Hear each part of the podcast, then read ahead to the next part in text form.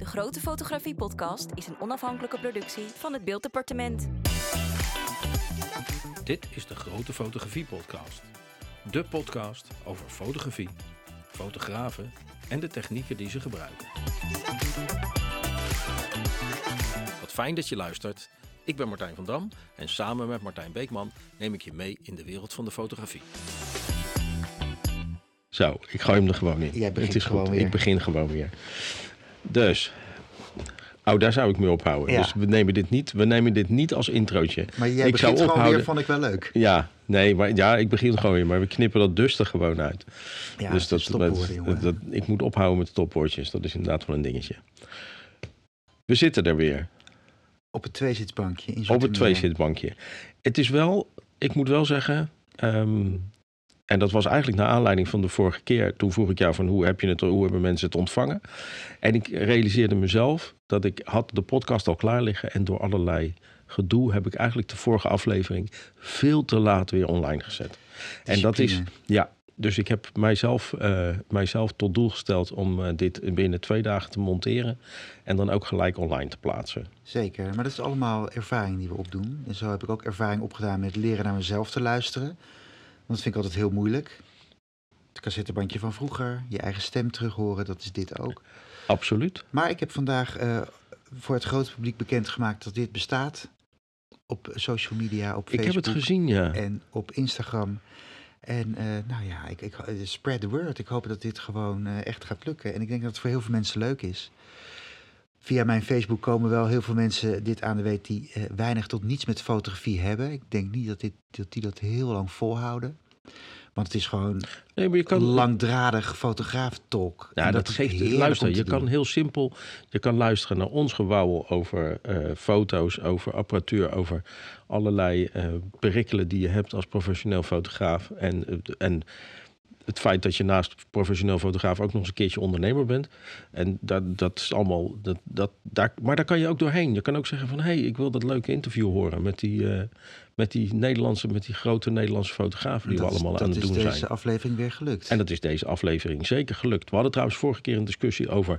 moeten we nou wel of niet noemen wie het is? Ja. Ik denk dat we het gewoon iedere keer wel moeten zeggen. je moet nu al zeggen We wie moeten nu al zeggen... Ja, we gaan nu al zeggen... We gaan nu al zeggen wie we hebben. bijgeluidjes, want ik pak een fotoboek. Ja.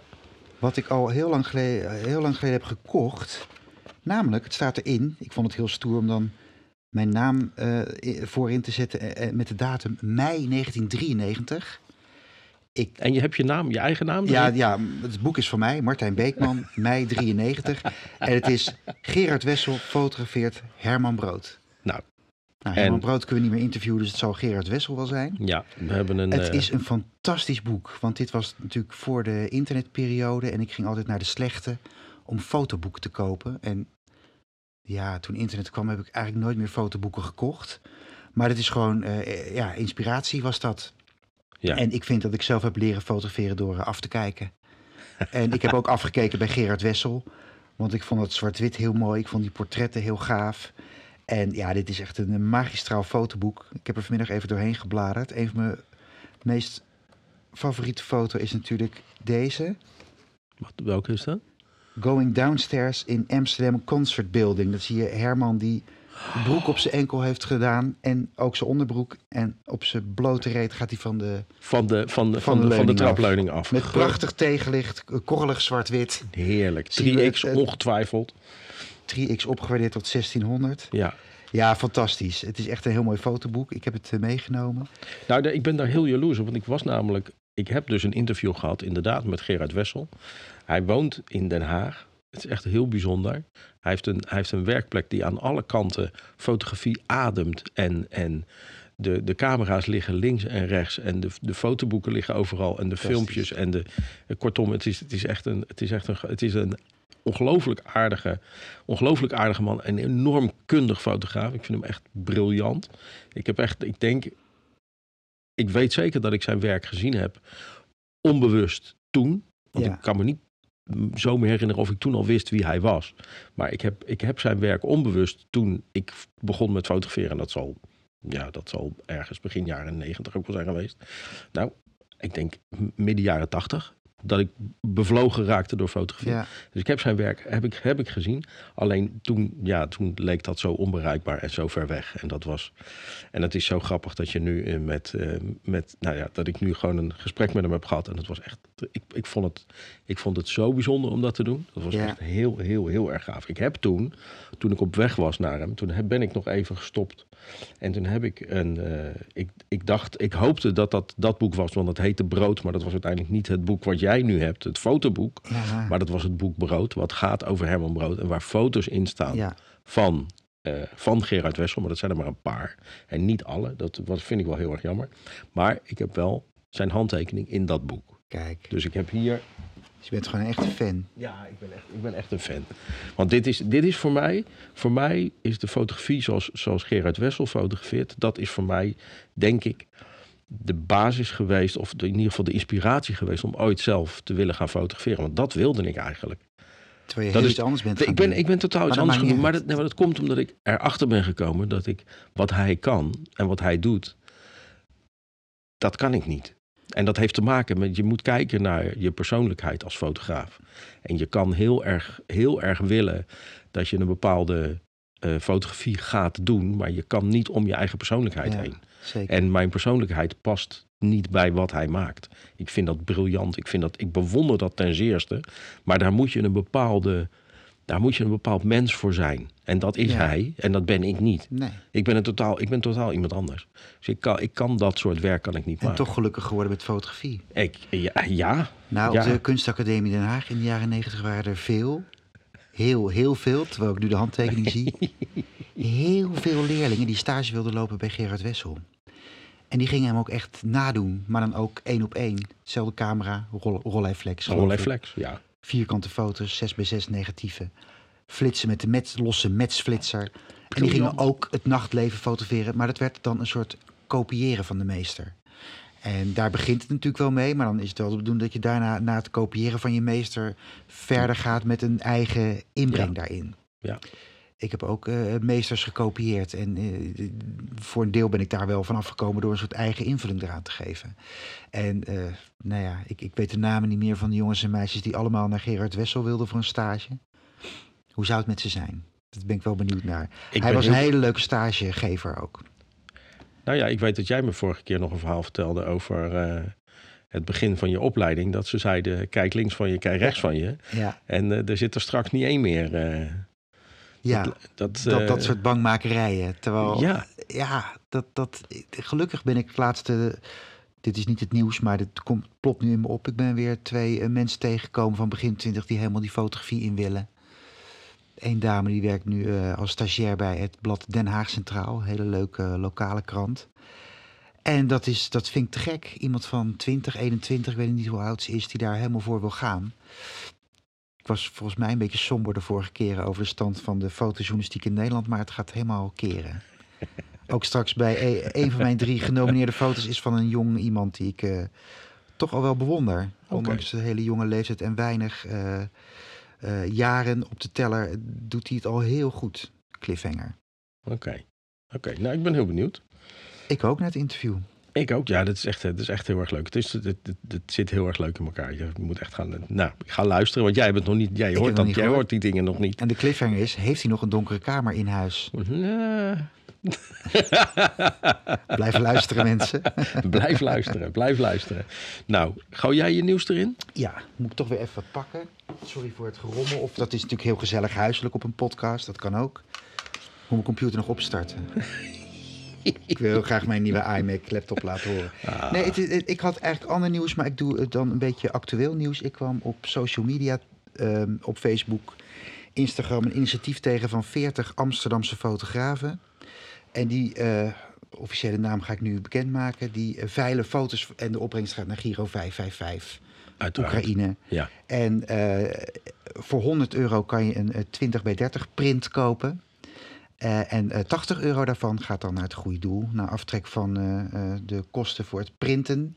En het versturen. Een en mooi het, goed fotolab in Amsterdam doet dat. We maken gewoon reclame. Dat is Fotolab Kiki. En ehm fotografen voor Oekraïne heet het, geloof ik. Oké. Als ik nu verbinding heb. En ik heb een foto gekocht Nee. vanmiddag. Ik, heb, ik ben geen fotoverzamelaar. Ik weet dat Hans van der Boogaard, dat is een eh, oude fotograaf van Vrij Nederland. Oud in de zin, nou, Hans is niet de jongste meer, maar die heeft een waanzinnige fotoverzameling opgebouwd in tientallen jaren. En het is nu echt gewoon wel wat waard ook. Op Facebook volg ik Leo Erken, ook een van mijn grote voorbeelden. En die, eh, die koopt foto's en die heeft nu al 450 keer een, een oude foto gepost uit de begintijd van de fotografie, vorige, vorige eeuw. En eh, dat plaatst hij op Facebook. Leuk om Leo Erken te volgen. Fotograaf voor Oekraïne heet het, geloof ik. Het is een beetje rommelig beginnen van deze podcast. Goed voorbereid, Thijs? Nou, ik heb een mapje en dat, dat sleep ik dan nu in het programma Foto Fotografie voor Oekraïne. Fotografie voor... Ja, Oké, en dat is een Facebookpagina? ja, en eh het zijn 40 fotografen, meest eh, Amsterdam eh, georiënteerd. Oké. Wel veel uit de wereld van kranten en tijdschriften. En kennelijk hebben die, of heeft, hebben een paar van hen dit verzonnen. Oké, nou we zullen in ieder geval dan sowieso eventjes de link op Facebook plaatsen Ja. en op Instagram plaatsen. Ja. En dat vind ik wel, ik vind, dat vind ik wel een heel goed initiatief. Ik heb een foto wat, wat, wat, valt mijn, wat valt mijn nieuws dan weer? Wat, wat verbleekt mijn nieuws dan weer? Nou, ik wou nog even zeggen dat ik een foto van Bert Verhoef heb gekocht. Oh. Ja, ik heb wel fotoboeken van hem en ik heb stage bij hem gelopen. Maar hij is, eh, een paar jaar geleden heeft hij eh, polderfotografie eh, beoefend. Ja. Dat kwam erop neer dat hij met zijn auto in een polder ging rijden. Hollands scheur kan het niet. En als hij een mooi tafereeltje zag, zo, als het een beetje donker werd, dan parkeerde hij zijn auto, zette hij zijn koplampen aan. En met het licht van die koplampen fotografeerde hij dan de polder. En kijk op fotografie voor Oekraïne en dan zie je dat ik de foto heb gekocht van een jong paardje in een stal, ponyachtig beest, paard, pony, weet ik veel, sorry. En die kijkt naar een wat groter, eh, groter paard, pony links. En dat is aangelicht door de koplampen van de auto van Bert Verhoef. Echt een, echt een Hollandse foto zoals hij dat eh, heel mooi kan. Ja, het ook nieuws wat verbleekt bij mijn ja, nieuws. dit Nou, verbleekt, sorry, dat gaat helemaal nergens over.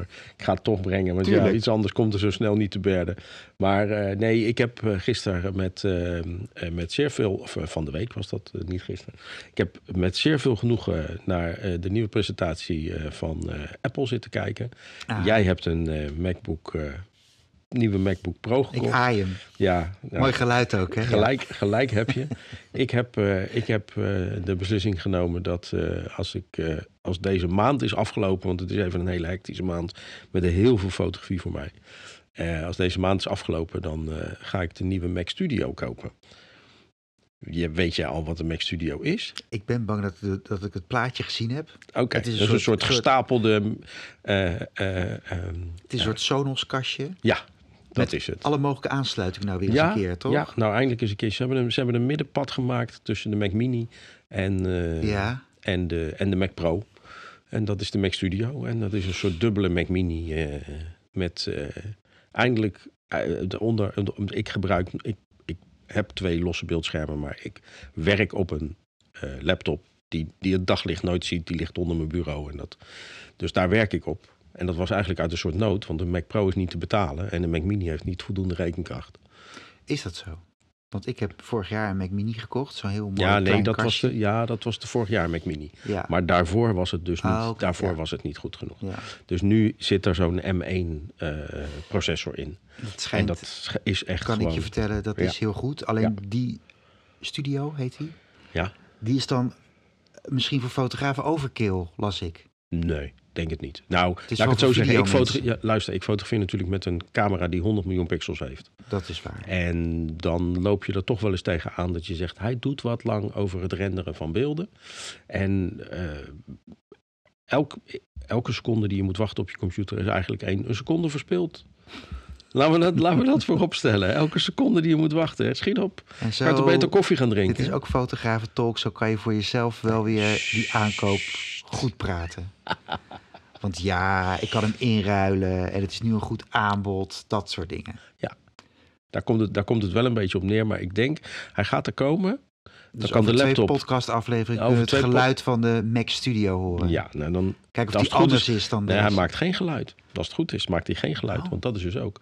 Dus dan kan de laptop onder mijn bureau vandaan. Dan kan ik mijn locatielaptop vervangen. Want dat is nog een laptop. Wat is een locatielaptop? Even voor de niet... Oh, eh, nou, mijn, ik, ik fotografeer heel veel tetterd. Dus ik, foto heel, ik fotografeer heel veel met mijn camera aangesloten op mijn laptop, zeker computer.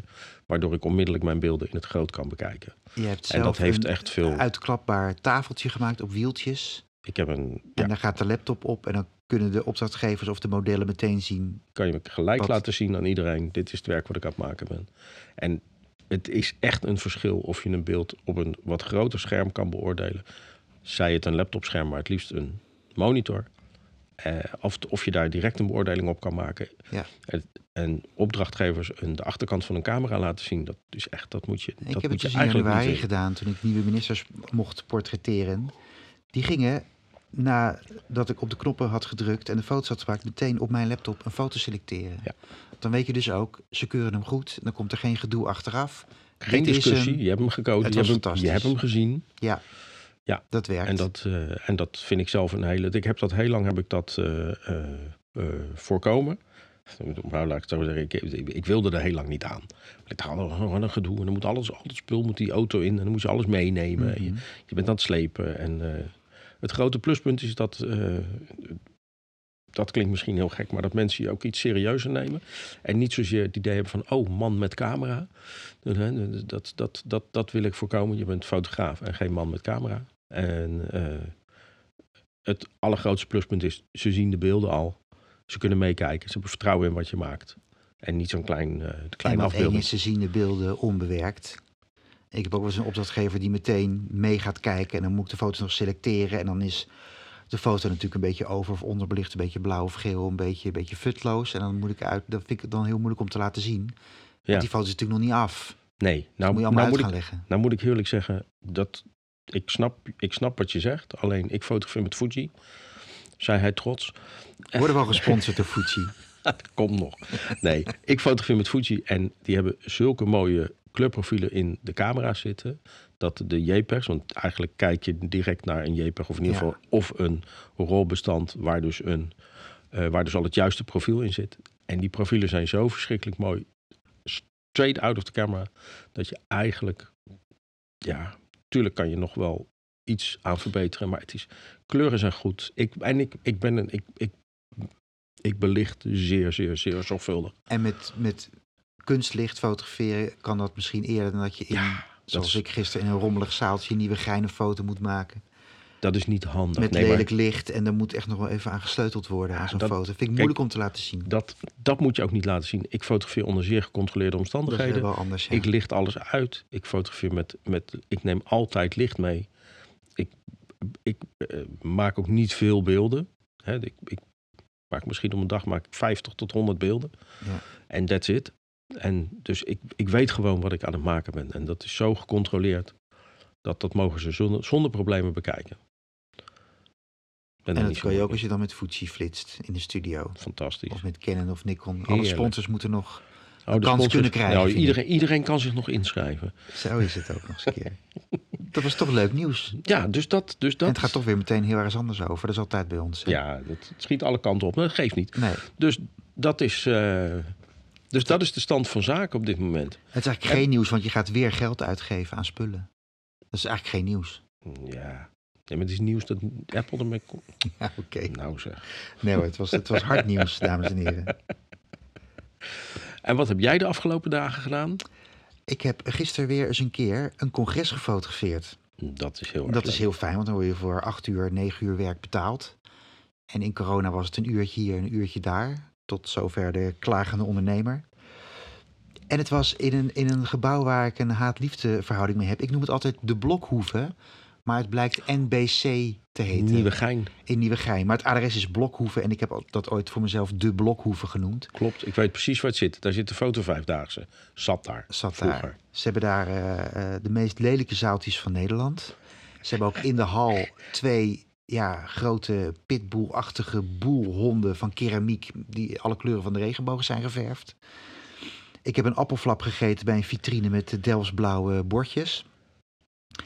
Maar het onderwerp was wel op zich interessant. Het ging over aardgasvrije wijken. Kijk. En het, het, het, de uitdaging van zo'n congres is er om, om er dan toch maar wat van te maken. Vooral bij de deelsessies. Je hebt dan twee keer een uur lang gaan mensen in een zaaltje zitten over een bepaald onderwerp. En dan moet ik per zaaltje in 10 minuten drie foto's maken. lelijk licht, lelijke zaaltjes. En dan, eh, dan, dan is het toch- gewoon En dan echt, toch wat maken. dan is het doorpezen. En Ja. ik deed met een collega. Er waren twee fotografen ingehuurd. Het mocht een centje kosten. Nou, we waren echt het sluitstuk op de begroting, want er waren waanzinnige catering. Er was een podium gemaakt. Het, was, het, het, het kon niet op. Het, het kon weer eens een keer, een congres, zeg maar. En aan het eind van de dag zat ik in een kamertje helemaal eh, moe te wezen. En ik werd echt door die collega uitgelachen van dat ben je niet meer gewend. dus, het is een beetje het verhaal van de verwende fotograaf. Uurtje Ja. hier, dan weer even naar huis. Ja. Hondje uitlaten, en dan nog twee uurtjes daar. Is de werkdag voorbij.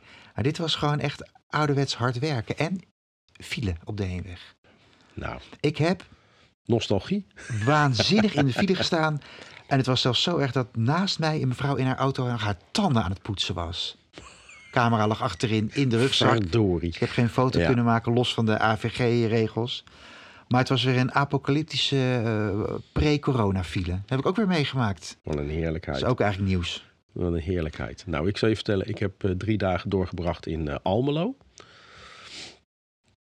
Al waar ik voor een, voor een cliënt van mij een nieuwe methode voor dierverzorging aan het fotograferen ben. En we hebben heerlijk met eh, honden en katten Oh, en eh, ja, de hond op tafel en de staart in het verband. En, eh, ja, het, is echt, het is echt geweldig. Het is, dan zo is dat hetzelfde als beesten in een tv-studio... die nooit deden dit- wat ze moesten doen. Nee, Vooral bij Brink nou. vroeger. Ja, dat, dat, dat, de regel is eigenlijk: ehm, werk niet met dieren en niet met kinderen. Waarop, waarop de, de videoman, eh, de, het videobedrijf wat aanwezig was, waar, waarop die cameraman zei: en niet met ouderen. Oh, Ja, dat had hij me uitgelegd. Hij zegt: ja, ouderen. Hij zegt: het, het vervelende is, ouderen die luisteren net zo slecht als kinderen. Hij zegt: en het probleem is dat als je een langdurig project hebt, hij zegt dat ze ondertussen dood kunnen gaan. nee. dat is toch heel erg. Geweldig. maar goed, dat zijn dus de praktische bezwaren. Nee, ik moet, wij, ik moet eerlijk zeggen, we hadden een, eh, we hadden een dierenarts die zeg maar alle handelingen uitvoerde. En ze had haar eigen hond meegenomen, Aira. Een schat van een beest. Zo'n verschrikkelijk lieve hond. En die liet alles met zich doen. Er is ooit een fotograaf geweest. En die, heeft, eh, die had twee Weimaranen. Dit was een Duitse staande. Ja. En een Duitse staande, dat zijn hele kortharige eh, beesten met, met een enorm lief flapoortje. Echt hele lieve honden. En een Weimaraan het lijkt, lijkt er een beetje op zo'n hele mooie uitvoering. Hele mooie vacht. En die had foto's gemaakt met zijn Weimaraan. En die lieten alles met zich doen. Hij kleedde ze aan. Hij gooide de meel overheen. Dan liet hij ze... Dan liet hij ze Meel. Ja, een, een donkergrijze Weimaraan met meel eroverheen. Oké. Prachtige foto's. En, maar die lieten alles met zich doen. En deze hond ook. Die vertrouwde alles. Geen enkel probleem. Heerlijk beest. Zo meenemen. Mijn hond is bijna elf maanden. Ik kan hem al stofzuigen. Dat laat hij al toe. Dus ook, een- Dat- ook, een, vorm, dus ook een vorm van vertrouwen, mocht je Martijn. ooit een zwarte labrador nodig hebben... Mas Nou. is jouw man. Die wordt gewoon gratis hier bezorgd. Nou, Ja. doen we. Helemaal top. We gaan nu lekker naar het interview. Ik ben heel benieuwd. En dan horen jullie ons daarna weer terug. eh, met eh, de fototop 3 en de, en de vragen. Vragen hebben we ook De vragen, ja, we vragen. We, vragen. Tot we zo. gaan nu lekker eerst even naar het interview. Oké, Tot zo. Ik ben weer op weg naar een interview voor de grote Ge- fotografie podcast. En het is deze keer een bijzondere man. Een man met een zeer roemrijk verleden. Ik ben op weg naar Den Haag. Ik ben op weg naar Gerard Wessel. Gerard Wessel is een eh, fotograaf die een zeer lange staat van dienst heeft. Zeer veel en eh, een zeer breed oeuvre heeft. Zijn voeten staan stevig in de straatfotografie. En wel eh, voor Nieuwe Revue eh, zeer spraakmakende foto's in het uitgaansleven. eh, Herman Brood gefotografeerd. Een werk aangekocht door het Rijksmuseum. Kortom, een boeiende man. Een eh, boeiende fotograaf. En ik hoop een boeiend interview. Kijk eens, Zo, Martijn. Goedemorgen. goedemorgen. Leuk dat je er bent. Goedemorgen, ja. eh, fantastisch om hier te zijn. Het is gelukkig niet zo ver. Je bent dan meteen in actie. Ja, ik ben gelijk in actie Nou, oké. Ik ga zo meteen wel even aanmelden voor de Nee, geen probleem. Geen probleem. Kom binnen. Hele verhuizing altijd. Ja, dat is inderdaad dat is leuk hoor.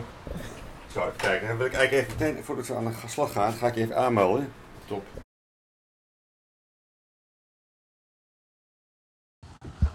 Kopje koffie. Dan schuif ik die even, als jij hem, als jij hem eraf tilt. Zo.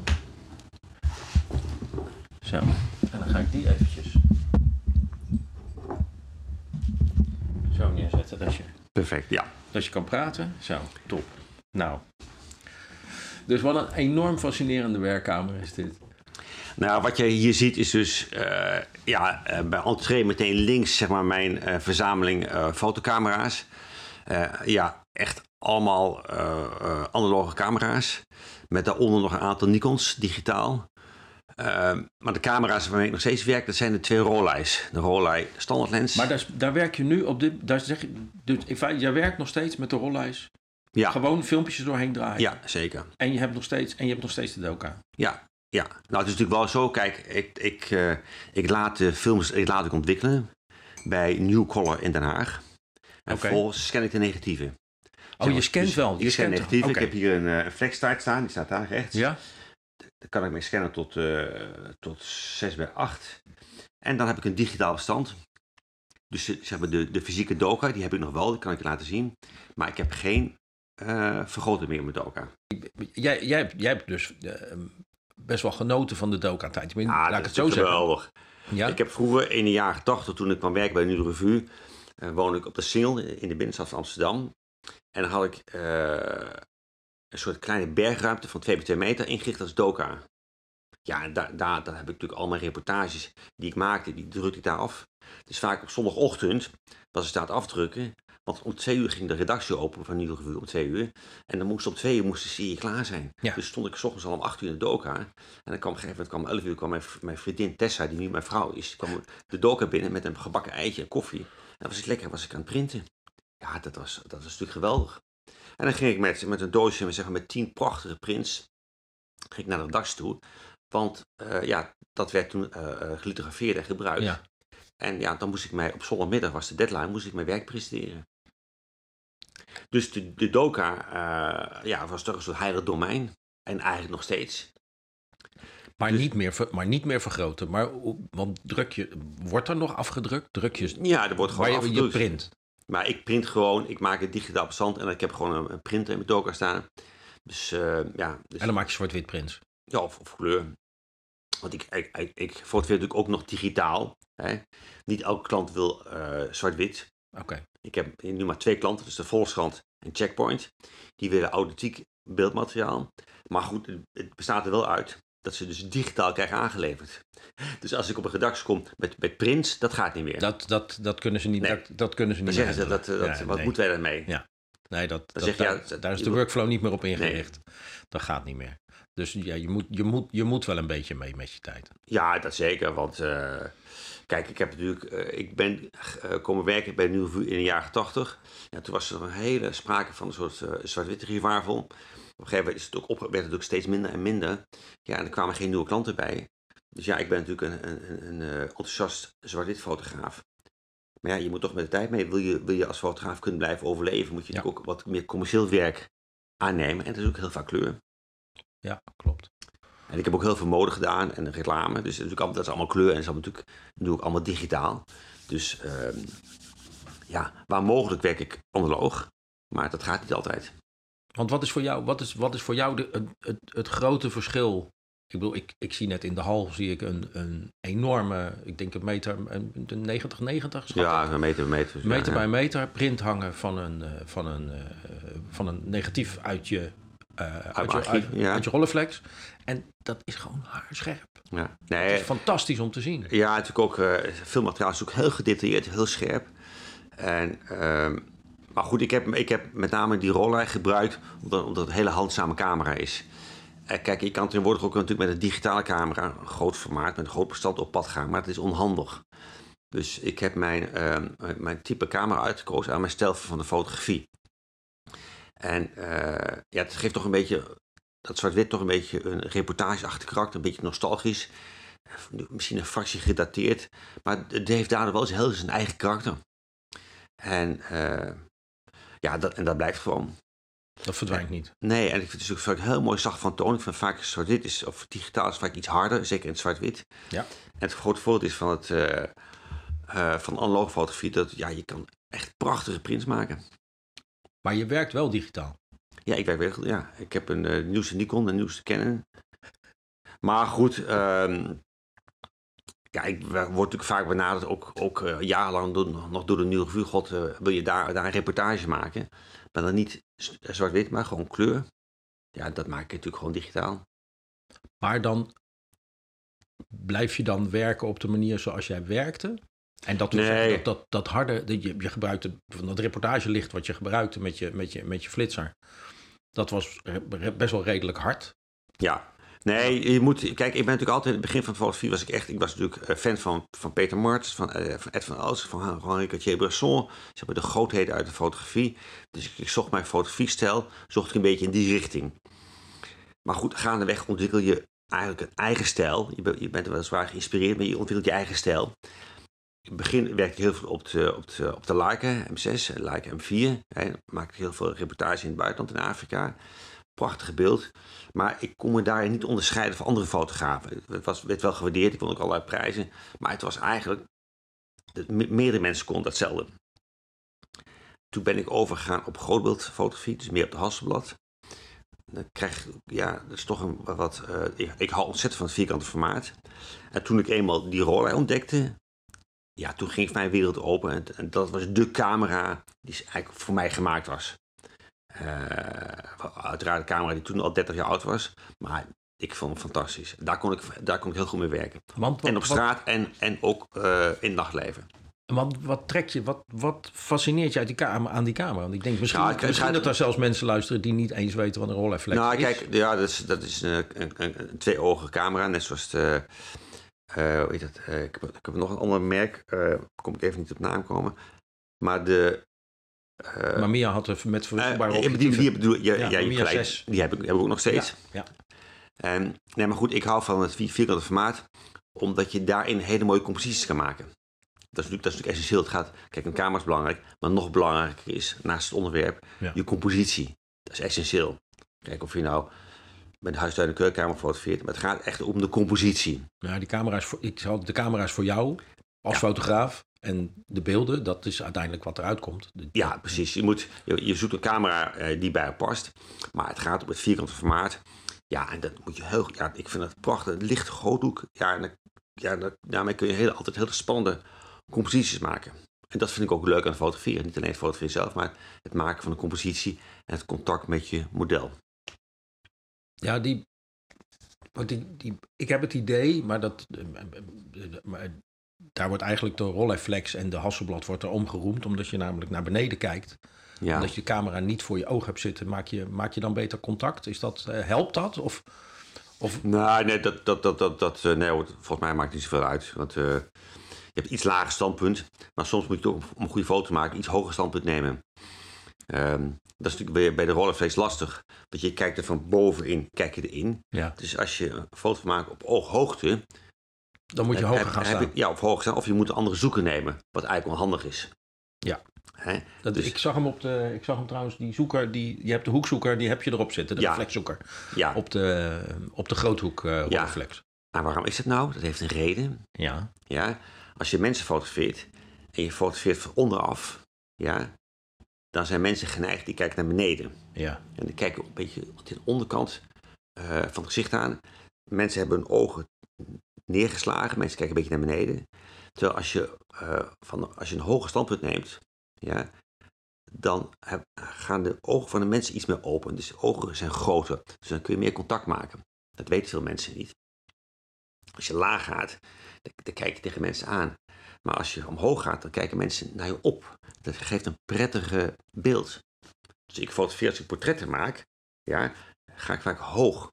En dan zeg ik tegen de mensen, doe iets je kin naar beneden en kijk me dan aan. Dus dan hebben mensen eigenlijk, eh, dan is ook de compositie van het gezicht het mooiste. En dan zijn de ogen wat groter en wat sprekender. En dan kijken ze aan en ze kijk goed in de lens. Dan stuur ik ze nog een beetje. Ja, dan eh, heb, ik ze, heb ik ze natuurlijk in mijn, in mijn in gedurende een paar minuten in mijn wacht. en dan, dan maken we natuurlijk de foto.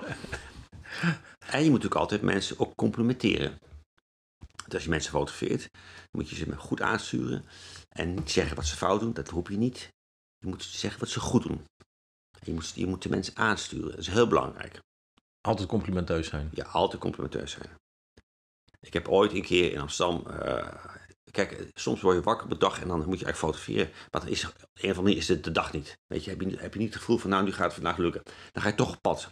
En ik weet nog goed dat ik kwam, kwam op een gegeven moment op straat een soort eh, junk tegen. Ik moest een reportage maken over junks. En ik sprak een, eh, een jongen aan, ja, aardig gozer. En, maar een beetje op de verkeerde manier. En ik vroeg of hij door mij wilde worden gefotografeerd. Hij zegt, nee, nee, dat wil ik niet. Toen zei ik, nou, dan niet. Maar het feit dat je zegt, dan niet, ja, dat is een hele fout opmerking. Toen kreeg ik een kopstoot. Dit is nog, nog nooit eerder voorkomen, voorgekomen. Maar ja, dat is wat er gebeurt. Je moet ten alle tijden, moet je de mensen een stap voor zijn. Je moet beleefd zijn. Kijk, eh, het maken van een goede foto is een gunst. Voor mij, hè, want ik ben op zoek naar een goede foto. Ik dien niet de persoon die ik fotografeer, nee, dat is, die is maar het object van mijn beeld. Dus je moet altijd beleefd zijn, hoffelijk zijn. Eh, als mensen iets vragen of, of mensen eh, willen een foto, moet je ze een fo- een foto beloven, een foto sturen. Wat helaas niet altijd lukt. Maar je moet wel altijd. eh, En trouwens, als je, als je aardig bent, dan bijna iedereen werkt daarmee. Dus dat is heel belangrijk. Want doe je op dit moment nog, want wat je eigenlijk toen deed voor Nieuwe Revue, wat in grote getalen iedereen gezien heeft, dat Ja. zou je eigenlijk kunnen kwalificeren als ja, straatfotografie. ja, correct, ja. En ehm, er zijn heel veel geluiden zeg maar, onder fotografen dat straatfotografie juist een van de lastigste dingen aan het worden is om te, om te beoefenen. Vanwege het feit dat iedereen zo alert is op camera's. Waar, waar de 30, 40 jaar geleden als iemand een camera op je richtte was je... Oh, er, er wordt een foto van mij gemaakt. En nu zeggen ze, hé, hey, wat ga je doen met die foto? Wat moet je van me? Is dat, is, doe je het nog? Merk je dat dat veranderd is daarin? Nou, die straatfotografie is echt wel veranderd. Dat klopt ook.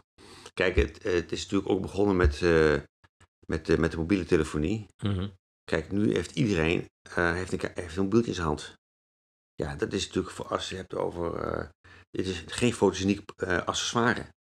Mensen kijken, op, mensen kijken ergens op, je ziet Ja. vaak niet wat het is. Nee. Dus het is geen, dat geeft geen romantisch beeld.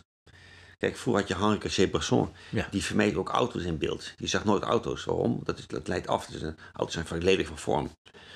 Dus nu, als je nu op straat fotografeert en je fotografeert iedereen met een mobieltje, ja, dan, dan maak je geen contact met de, met, de, met, met de persoon. Het is geen persoon in om, die zich opgaat in de omgeving, maar het is een persoon die bezig is met zijn mobieltje. Dus dat maakt het uitermate lastig. Plus dat iedereen te worden zegt, ja, waar is het voor? Wat moet je hiermee? Of ze roepen al voor de grap, portretrecht, portretrecht, betalen. Wat krijg ik? Ja, Ja. dat is natuurlijk helemaal. Ik heb ook nog wel eens eh, gefotografeerd in het nachtleven. En vroeger kwam ik ergens binnen en dan ging ik fotograferen in mijn eentje. En nu, als je ergens binnenkomt op die grote feesten, er waar zijn er wel vijf fotografen. En dan word je op je rug getikt. Ja, wat is er? Ja, mag ik, mag ik je kaartje? Ik zeg, een kaartje? Ja, eh, ik wil die foto's je nabestellen. Kun je ze opsturen? Kun je ze mailen? Ik zeg, nou, ik werk zo niet. Ja. ja, je moet sturen. Dus mensen zijn tegenwoordig gewend dat alles digitaal is, dat je meteen foto's opstuurt. Ja. Dat ze het mogen krijgen. gebruiken. Ja. Of betalen wordt niet gesproken. Nee. Dus ja, dat, ook dat is veranderd. Maar goed, ik heb het natuurlijk 20 jaar gedaan. Dus ja, na 20 jaar kun je wel vaststellen dat de tijd verandert, de jeugd verandert, de, de mentaliteit verandert. Maar je kan nu nog steeds, ik zou nog steeds dezelfde soort foto's kunnen maken in nachtleven of op straat. Mits je je onderwerp goed uit. Ik ga nu weer met eh, Henk Schiefmacher gaan een fotoboek maken. Zeg maar mijn mooiste tattoofoto's die ik gemaakt heb de afgelopen 30 jaar. Aangevuld met nieuw werk. Voorzien van tekst van Henk Schiefmacher. Ja, dus Henk die gaat zeg maar, eh, die gaat die tatoeages die op die foto te zien zijn, gaat hij dus eh, analyseren en beoordelen. Een soort grappige informatieve tekst. Dat je niet alleen een, een mooie foto ziet van een getatoeëerd persoon, maar dat je ook weet, hey, wat zijn er van tatoeages? Wat is dat voor stijl? Waar komen die vandaan? Uit welk tijdsbeeld is dat? Maar ga je ook nieuw werk maken Ik daarvoor? ga ook nieuw werk maken. Je gaat ook nieuw werk maken Ja. daarvoor. En is dat dan, wordt dat dan alleen van Henk? Of, of zeg je van nee? Nee, nee, je nee, gaat op gewoon- zoek naar mensen met interessante... Met interessante tattoos. Oké. En dan gaat weer de rolla, hij gaat natuurlijk weer mijn tasje, met een flitsertje. En dan ga ik weer lekker naar Amsterdam. Helemaal low profile, tasje, twee camera's, flitsen, zootje films. That's it. En de lichtmeter. Alles, alles meten. Nou ja, als je overdag fotografeert, hey, Ja. die, in die Rolex zit er geen, Ja, er zit zit geen- geen meter in. Nee, dus je moet wel je, je, Ja. meter, je meter meenemen. Ja. Dat is es- essentieel. Ja, Kijk, vond- ook, ook als je binnen flitst, het is, het is, het is eh, matig verlicht, dan meet ik altijd even het licht om te kijken hoeveel licht heb ik, hoeveel licht moet ik extra bij flitsen. Dat Want je- het is nog steeds de match, die match CT1. Dat, ja, ik dat, ga, al- als ik met de Rolex werk, gaat de match mee. En overdag, met, met felle zon, ga ik inflitsen. En is het een, gebruik je een manual of 100% Manual, ja, ja, ja. op handmaat? Ja, we gaan niet automatisch. Dat, dat werkt niet. Oké. Nee, dat werkt niet. Gewoon instellen en... eh, Nou, kijk, ik, ik zei je hoe ik altijd licht meet, is het volgende. Ik meet zeg maar het bestaande licht. mhm. Stel, je fotografeert buiten, het is zonnig. Dan meet ik bijvoorbeeld eh 250ste bij, eh, bij 11. Ja? Dan ik de camera op 250ste tussen 11 en 16. En wat gebeurt er dan? Dan heb ik een half stopje onderbelicht. Ja? Dat betekent dat mijn onderwerp is te donker.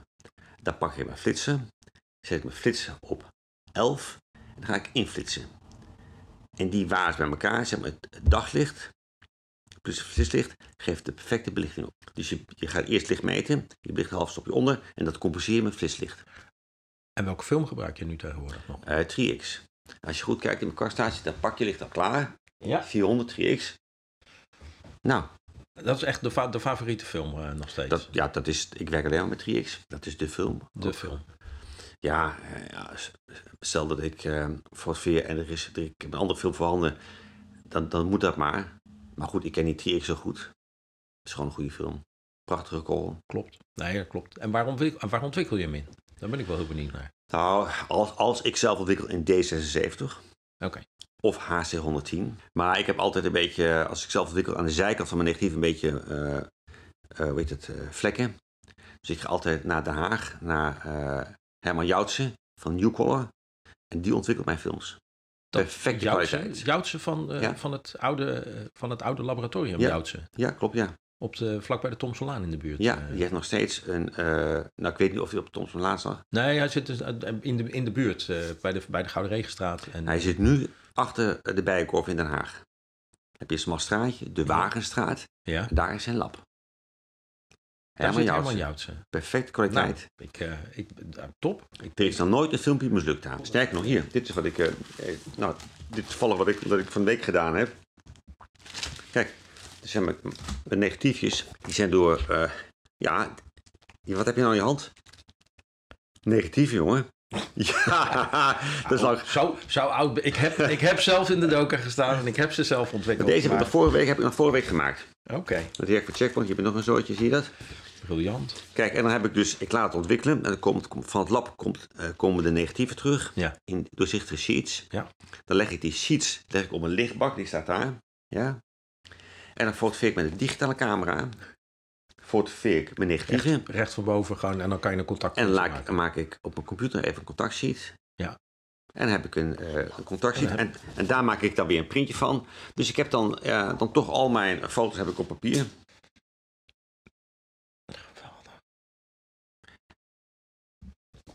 Zie, je? Dit dus is, eh, dit, is een, dit, is, hy- dit, is, dit is hybride. eh, Dit is hybride. Dit En is hybride. En dat is natuurlijk ook belangrijk eh, dat je dus, eh, ik, heb, ik maak een labeltje, zeg maar de klant, nou, eh, januari 2022, dat heb ik vorige maand gemaakt. Dan degene wie het is, met, dat- met alle adresgegevens, dit gaat dan in, eh, dit, dit ga ik dan archiveren. En dat gaat gewoon nog in mapjes. En, Ja. wordt, eh, en, dan wordt dit, en deze, die ga je, en die negatieve, die ga je uiteindelijk scannen. Ja. Die worden gescand met, eh met de FlexTime. Ja, ja. Ja, ik heb hier een, op mijn computer is dan, zit hier iets, dat is een militair, dat is een veteraan. En ehm is zeer, of veteranen die zeg maar, tijdens de oorlog gewond zijn geraakt, of tijdens een missie gewond zijn geraakt. En, Ik, ik, had, ik had zelf, sorry dat ik je in de reden val, ik had zelf het idee, ik, had, ik zag deze serie, want ik zag een aantal foto's inderdaad van, eh, van, van ex-militairen en veteranen. En dus het gebruik van scherptediepte, ik vind het, ik vind het zo wonderbaarlijk mooi. ja, Ik had bijna het idee Hey, dat, dat, hoor- ik, dat horen we graag. Ja, nee, ik had bijna het idee dat ik, ik, ik dat je op eh, dat je met technische camera geschoten had. Nee, nee, want we, nee, nee, wat, eh, wat kijk, die foto hier. Dat is deze man. Dat is deze foto, zie je? Dit is- Dit is het contact. Maar het is natuurlijk wel zo dat. ehm, ja, kijk, je werkt ook op de. eh, op de Linhof 6x7. Ken je die camera? Ja. Zeg maar zo, ook een soort technische camera. Ja, dus een mini, 6x7. eigenlijk een mini, mi- Ja. mini technische camera. Fantastisch, heb ik ooit. Ja. Eh, daar werk ik veel mee voor de Volkskrant. Daar heb ik ooit een prachtige foto van, meegemaakt van, van, Katje Schuurman. Ja. Daarover later meer. Dat is een heel, is een heel leuk verhaal. maar ehm, het, eh, de, het, eh, het, het lastige is van, het lastige is van, van die camera... dat op het moment dat je hebt scherp gesteld... moet je ehm, de achterwand afhalen... Ja. En vervangen door de, een wand met de cassette. met, een, met een Dus filmpje. dan ben je Ja. even een, een- een- ben je drie seconden bezig. En dan roep ik altijd, ja, Martijn, stop, niet bewegen. Mooi, niet bewegen, niet bewegen. Je, haal je de cassette eraf, niet bewegen, niet bewegen.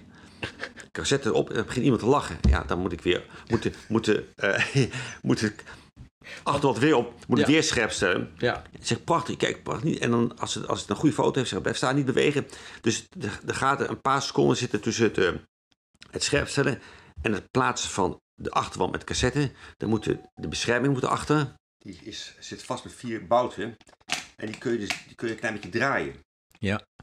Dus je, je kan zeg maar van je... Je, Je kan je het scherpte vlak diepte je kan je een klein beetje verleggen. kan je een beetje verleggen. Ja. Niet te veel, maar goed, dat, is, dat geeft een heel grappig effect. Maar is het met verwisselbare objectieven? Ja, maar ik werk altijd met standaardlens. Een hele zeldzame 2.8 eh, standaardlens. Alleen het nadeel van deze camera is, als je fotografeert, dan moet je eerst eh, de eh, scherpste loop moet je plaatsen. Ja. Als, je, als, je, als de foto scherp is en je bent eh, tevreden over de compositie, moet de, die scherpste loop moet af. En dan moet je de, de mm, Achterwand plaatsen. achterwand plaatsen. Ja, en daar zit een aantal seconden tijd tussen. Ja. Dus je moet de mensen heel goed aansporen om dan vooral niet te bewegen. Zeker als je, want waar fotografeer je op? Op grote openingen neem ik aan. Ja, voor 40, 5.6. 5.6, ja, Ja. Dat is niet veel. Op dit formaat. Kijk, ik kan ook fotograferen op 2.8. Want dan heb ik heel weinig scherptediepte. Ja. En dan is hij nooit scherp. Dus je moet altijd zitten, zit ik altijd tussen, tussen 5, 6 en 8. Dat is het dan. En dan moet ik wel mensen, tijdens het wisselen van een loop en de cassette, moet ik zeggen tegen mensen, niet bewegen, niet bewegen. Kijk eens aan, ik zeg niet bewegen. Dat klinkt misschien een beetje raar. Maar dan moet je het zeker twee, drie keer zeggen en dan begrijpen mensen het. Ja. En dan kun je twee, drie foto's maken en dan, moet, en dan haal je het proces weer. Want dan gaan mensen nog een beetje bewegen. Moet weer de, de cassette eraf. Maar goed, het is een heel ehm, lastig proces, maar wel heel erg leuk. Want je kan natuurlijk een heel mooi beeld maken. En je kan een beetje de scherpte verleggen.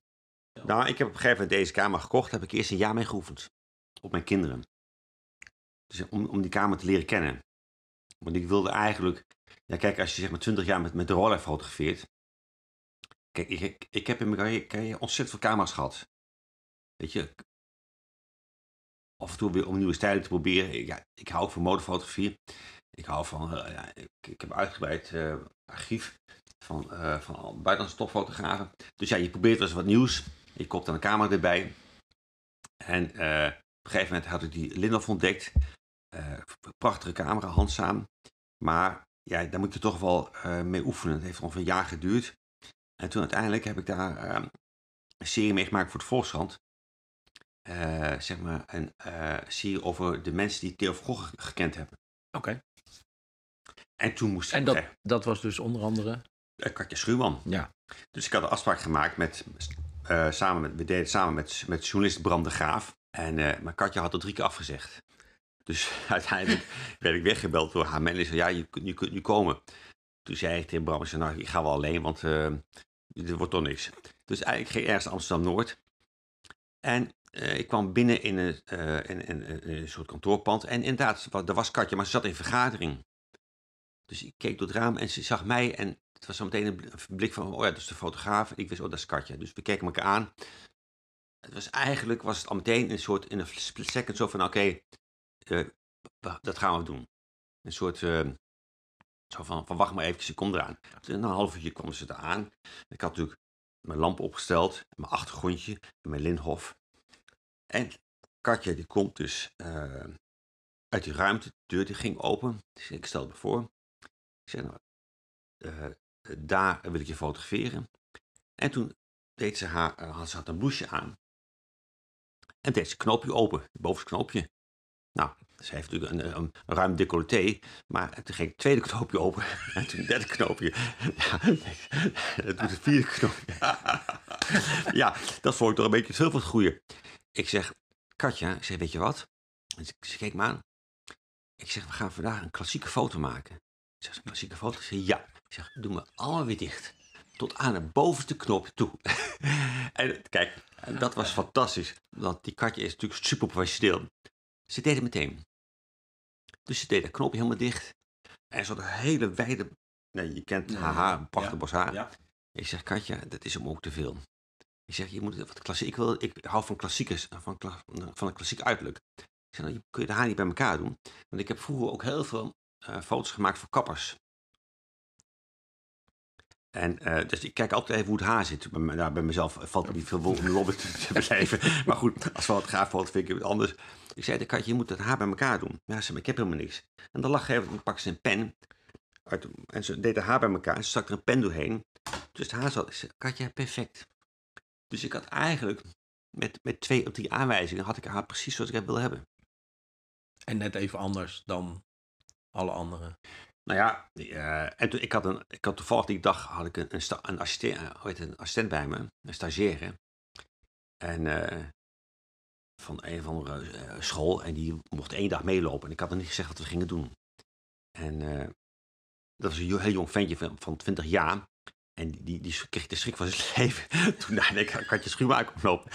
Hij zei, Katje, ik ja, die gaan fotograferen. Hij zei, gaan we die fotograferen? Ik We gaan Katje fotograferen. Het grappige is, ik moest die foto's maken. En mijn assistent voor één dag moest het scherm vasthouden tegen het reflectiescherm. En nou, wat deed Katja? Die moest ergens gaan staan. En zei, Katje, wil dat je uit beeld kijkt? En Katje begon te kijken naar mijn, mijn eh stagiaire. Dus die was een beetje aan het flirten met mijn stagiaire. En dat was natuurlijk prachtig. Want dat, laf- dat gaf in haar ogen een, een soort levendige blik. Ja. Dus ik, ik zei er helemaal niks van. Dus ik heb één rolletje gefotografeerd, dus twee rolletjes. En toen had ik het. Ja, dat was natuurlijk fantastisch. Ik zei, Katje, een beetje links, een beetje rechts. En kijk, een beetje zo. En weet je, moet een klein beetje aanwijzing geven. Nou, en dat doet Katje fantastisch. Is het, is het overigens lastiger? Ehm, ik, ik kan me voorstellen dat het lastig is om mensen te fotograferen die heel veel gefotografeerd worden. Vanwege het feit dat ze zo vaak gefotografeerd worden dat ze er, dat ze er blasé van zijn. Het bekende voorbeeld van, eh, van ministers die na, één, eh, die na één opinname roepen, dat was het. Nee, dat, dat moet je niet accepteren. hè. Nee, maar het, maar, het, maar het gebeurt wel. Maar of is het juist makkelijker om mensen te regisseren en te fotograferen die helemaal niet gewend zijn om op te fotograferen? Nou, dat maakt allebei niet uit. Het is precies één dan. Ehm, ja, maar je, je moet alleen, wat, wat belangrijk is, als je mensen... Kijk, mensen, ook al zijn, zijn ze bekend en vaak gefotografeerd, als ze een nieuwe fotograaf voor zich zien, een onbekend gezicht, weten ze toch niet wat ze kunnen verwachten.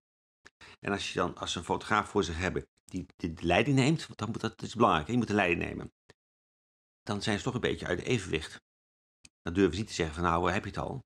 Nee, je moet, ik moet wel zeggen, Kijk, stel, stel je, je fotografeert een bekende politici met weinig tijd, moet je wel een beetje goed door, moet je wel doorwerken. Je moet niet eindeloos lopen eh, suffen. Nee. Maar Het moet klaar zijn en je moet je concentreren op je je moet als foto. fotograaf je moet wel eh, tevreden zijn over wat je maakt. Maar wat, wel, wat, wat belangrijk is, dat dat niet zo is dat, dat, dat de geportretteerde bepaalt of je klaar bent. Daar moet je voor zijn. Dus, ehm, en trouwens, als je ook vaak een afspraak hebt. Eh, Wat ik, kijk, wat ik wel vaak doe, als, als ik weet dat iemand heel druk is, zeg ik, luister, eh, Martijn, moet je vandaag fotograferen. Hoeveel tijd heb je? Heb je gezegd, nou, we hebben, we hebben afgesproken, we hebben een half uur tijd. Dan heb je ook een half uur. Zeg mensen, nou, dat heb ik. Of dat heb ik niet. Ja. Oké, zeg, dan, ben ik, dan hou ik me daar. Dan ben ik klaar. Dus, dus ik geef aan die mensen aan van luisteren. Ik heb een kwartier nodig, ik heb een half uur nodig. Dan heb ik het ook. En dan weten mensen van, eh, oké, dat zit. En ook vaak zeg ik van, nou, eh, liever geen mobiel als het kan. Ehm, vaak als, als er een assistent of een stagiair of een, of een secretaresse bijloopt met agenda, zeg ik, uh, eventjes, eventjes eh, ik ben binnen de eh, afgesproken tijd klaar. Nou, dat gaat altijd perfect. Maar je moet wel als fotograaf weten wat je wil. Als mensen dat eenmaal in het gaten hebben, dan, eh, dan werken ze gewoon mee. Als mensen doorhebben dat jij weet wat je wil halen Ja, bij dat is belangrijk, ja. Ja. Dat, je weet wat je, dat, je weet wat je wil. Ja, als je, als jij zegt fotograaf, ja, ik weet, niet, eh, ik weet niet precies wat ik wil. Ja, dan zegt de man, dan heb je het al, na twee opnames. Dat zal mij niet overkomen. Wat ik ook vaak doe, is dat heel even, dat die mensen zegt, nou, Zit je, zit je jas goed? Zit je kraag goed? Of zit je haar goed? Of in ieder geval, je geeft kleine aanwijzingen dat ze in ieder geval, zeg maar, dingen waar ze zelf geen kijk op hebben. Ik heb ook wel eens een directeur gefotografeerd en dan zag ik foto's op internet, ging kijken, nou. Dus dan zei ik tegen die uh, secretaris van, nou, zeg meteen meneer of de kleding up-to-date kan zijn. Dus dat, ja, ja, je was fotografeer directeur en dan komen ze in een pak aan in een pak van vijf jaar geleden. Ja, omdat ja. het pak zo lekker zit. Dat kan natuurlijk niet. Dus ze zeggen altijd, meneer, als ze vragen hoe moet ik aan, zeg nou, als het maar up-to-date is. Ja. Dan bedoel ik eigenlijk geen oude rotzooi. Zorg dat die man er een beetje netjes uitziet. Ja, maar je kan beter gewoon eerlijk zijn. Dat, ja. dat weten mensen waar ze naartoe zijn. En dat is allemaal, dat is, uh, dat, dat, dat, is heel, uh, dat is heel werkzaam. Je bent begonnen met zwart-wit. Daar ja. ben je nog steeds. Ja. Echt, ik, ik, vind het, ik, vind het, ik ben dol op zwart-wit. Ik vind het echt een briljant werk. Ja, ik vind het ook, ik vind het ook nog steeds prachtig. Ik, eigenlijk is kleur, is kleur is gewoon bijzaak. Ja, ik, zeker, zeker met, met portretten en zeker wat ik nu hier zie, dat ik zeg van nou, je, je, je, kan zo de essentie zeg maar, van iemand eruit halen, ja. zonder, dat, uh, zonder dat kleur afleidt, uh, of afleidend is. En, maar ja, merk, dus, je dat het, merk je dat het misschien voor opdrachtgevers minder relevant is geworden? Nou, dat weet ik niet. Kijk, dit, dit, dit heb ik gemaakt voor, uh, voor daar werk ik al jarenlang voor. En zijn ja, zijn nog steeds heel tevreden. Dus ik ben heel, ik ben heel blij dat zij mijn klant zijn. Ik werk ook heel veel voor het Volkskrant. Maar goed, die, die, bellen nu, die bellen niet meer. Die, hebben, ja, die zijn andere richtingen geslagen. Met allemaal kleur en allemaal uh, uh, ja, met ander, ander type onderwerpen. Niet mijn soort onderwerpen. Ja, en een ander type, en een ander type, type fotografie. Het is, ander type fotografie, ja. Het, ja, is, een beetje, het, is, het is terloopser geworden. Ja, het is loops. Het is ja. allemaal, uh, ja. je ziet allemaal fotografie waar uh, op, laat ik zeggen, op alle manieren over nagedacht. Allemaal wat sneller, wat, wat uh, ja, echt soms dat je denkt van nou, is, hoe lang zijn ze binnen geweest? Eén minuut of, of twee minuten? Of, uh, vaak mist ook de creativiteit. Maar goed, het, het, maken van mooie foto's blijft een lastig vak. Ik bedoel, dat, dat geldt ook mij nog steeds. Ik bedoel, elke foto die je maakt is weer, is weer nou, geen strijd, want ik doe het met plezier. Maar het vergt toch energie en concentratie en nadenken over wie, hoe je iemand fotografeert, hoe je iemand benadert. Als we helemaal teruggaan naar het begin. Want hoe ben jij, hoe ben jij, ooit, hoe ben jij ooit begonnen met, met fotograferen? Waar komt, het, waar, waar, waar komt het vandaan? Toen ik vroeger met mijn ouders op vakantie ging, naar, uh, vaak naar Oostenrijk, was natuurlijk mijn vader degene die de foto's maakte. En ik merkte dat op een gegeven moment uh, dat ik het ook leuk vond om te fotograferen. Uh, omdat ik merkte dat als je een camera bij had, dat mensen dan op een gegeven moment ja, voor je gingen poseren of naar je gingen luisteren. Dus ik, ik had al snel in de gaten van dat als je op het moment dat je kamer hebt, uh, zit je in een soort van machtspositie. En uh, dat vond ik eigenlijk wel een grappige, grappige gewaarwording. Dat je, dat je dus met beeld bezig bent. Ik was geobsedeerd door beeld, beeld maken. Maar dat mensen het ook uh, prettig vinden om gefotografeerd te worden. Dus toen ben ik op een gegeven moment in Zwolle, waar ik uh, geboren ben, ben ik een, een cursus gaan volgen. En heb ik mijn eerste kleinbeeldcamera gekocht ben ik langzamerhand die fotografie gaan ontdekken. Natuurlijk eerst de techniek, maar goed, het ontdekken van een fotografie, wat fotografie betekent, uh, zeg maar de verschillende stijlen fotografie die je hebt. Daar gaat een aantal jaren overheen voordat je dan voor jezelf duidelijk hebt welke richting je zelf op wil. Want je gaf aan, je hebt hier die, die kast met enorm veel boeken en veel meer fotoboeken en allerlei objecten. Maar die, je, je, gaf, je zijn net geïnspireerd door. Uh... Nou, kijk, toen ik vroeger, toen ik, ik heb uh, op de MTS voor fotografie en fototechniek gezeten in Den Haag. Oké, okay, die heb jij gedaan. Die heb ik gedaan, vier jaar lang. Hè. Vlak voor mij zat Anton Corbijn op die school. Maar die ging al na twee jaar naar Londen, want die had dan meteen verwerk, veel werk als, als, als popfotograaf. Maar goed, ik heb het afgemaakt. En je ziet daar een heel, hele rij met alle boeken van Ed van Elsken.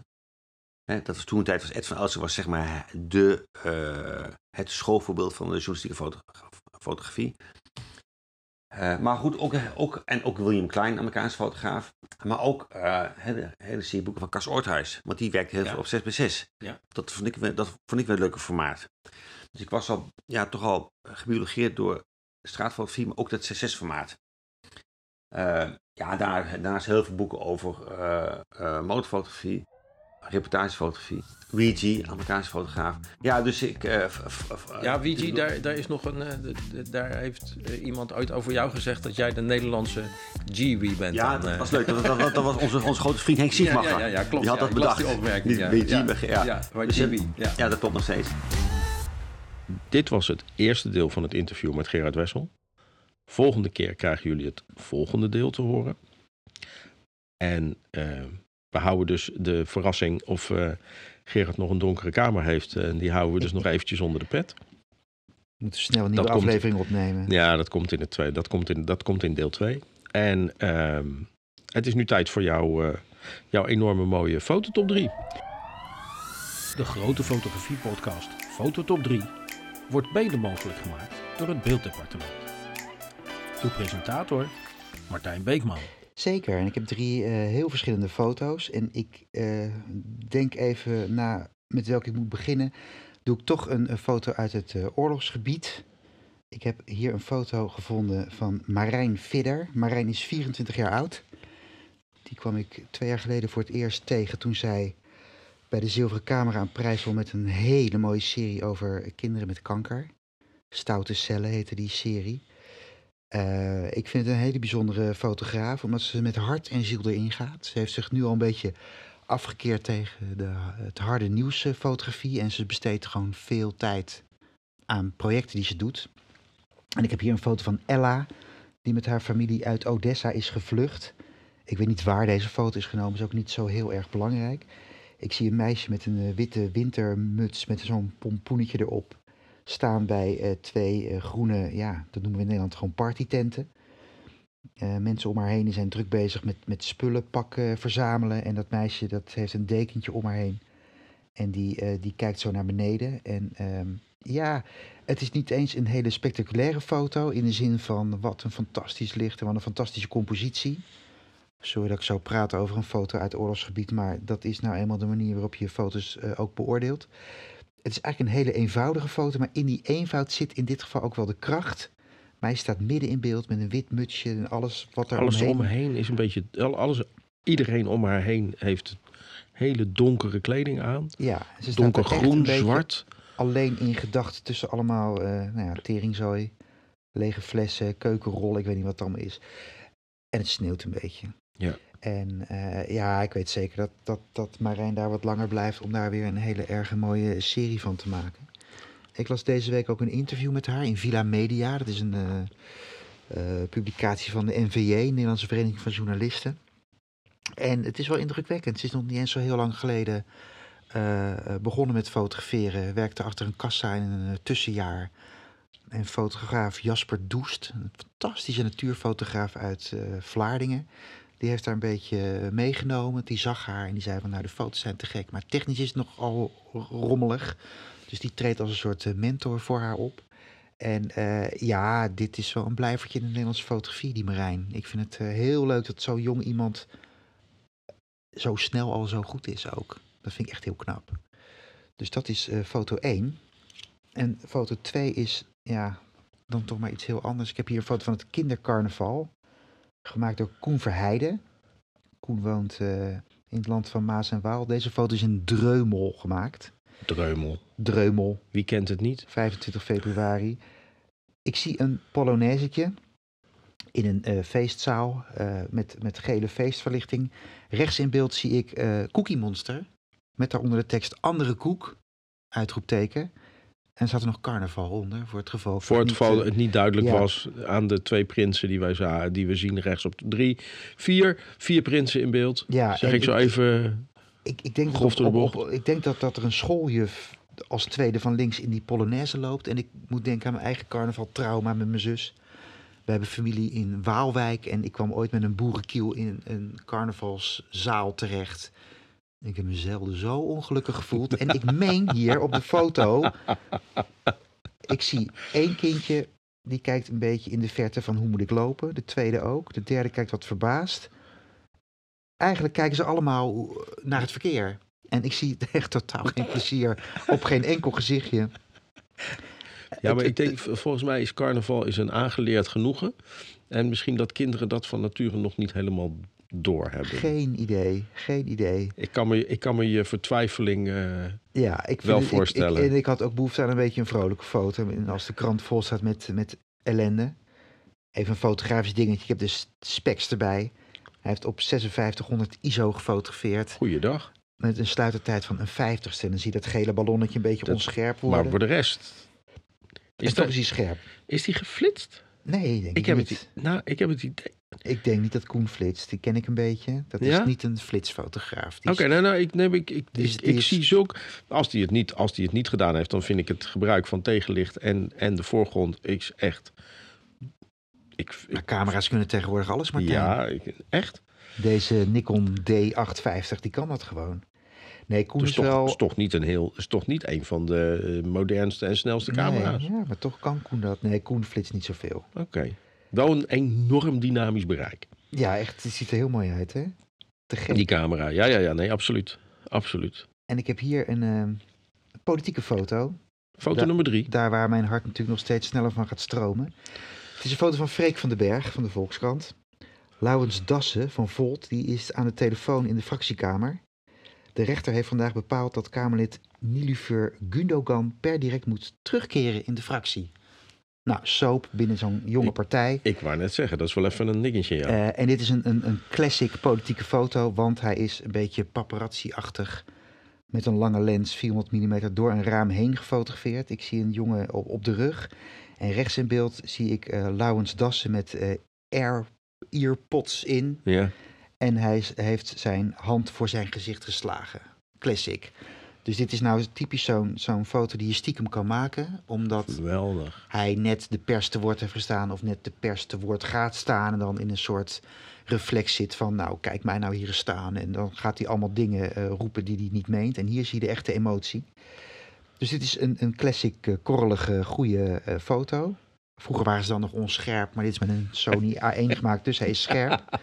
Maar het gaat mij om het volgende. Deze foto twittert Freek.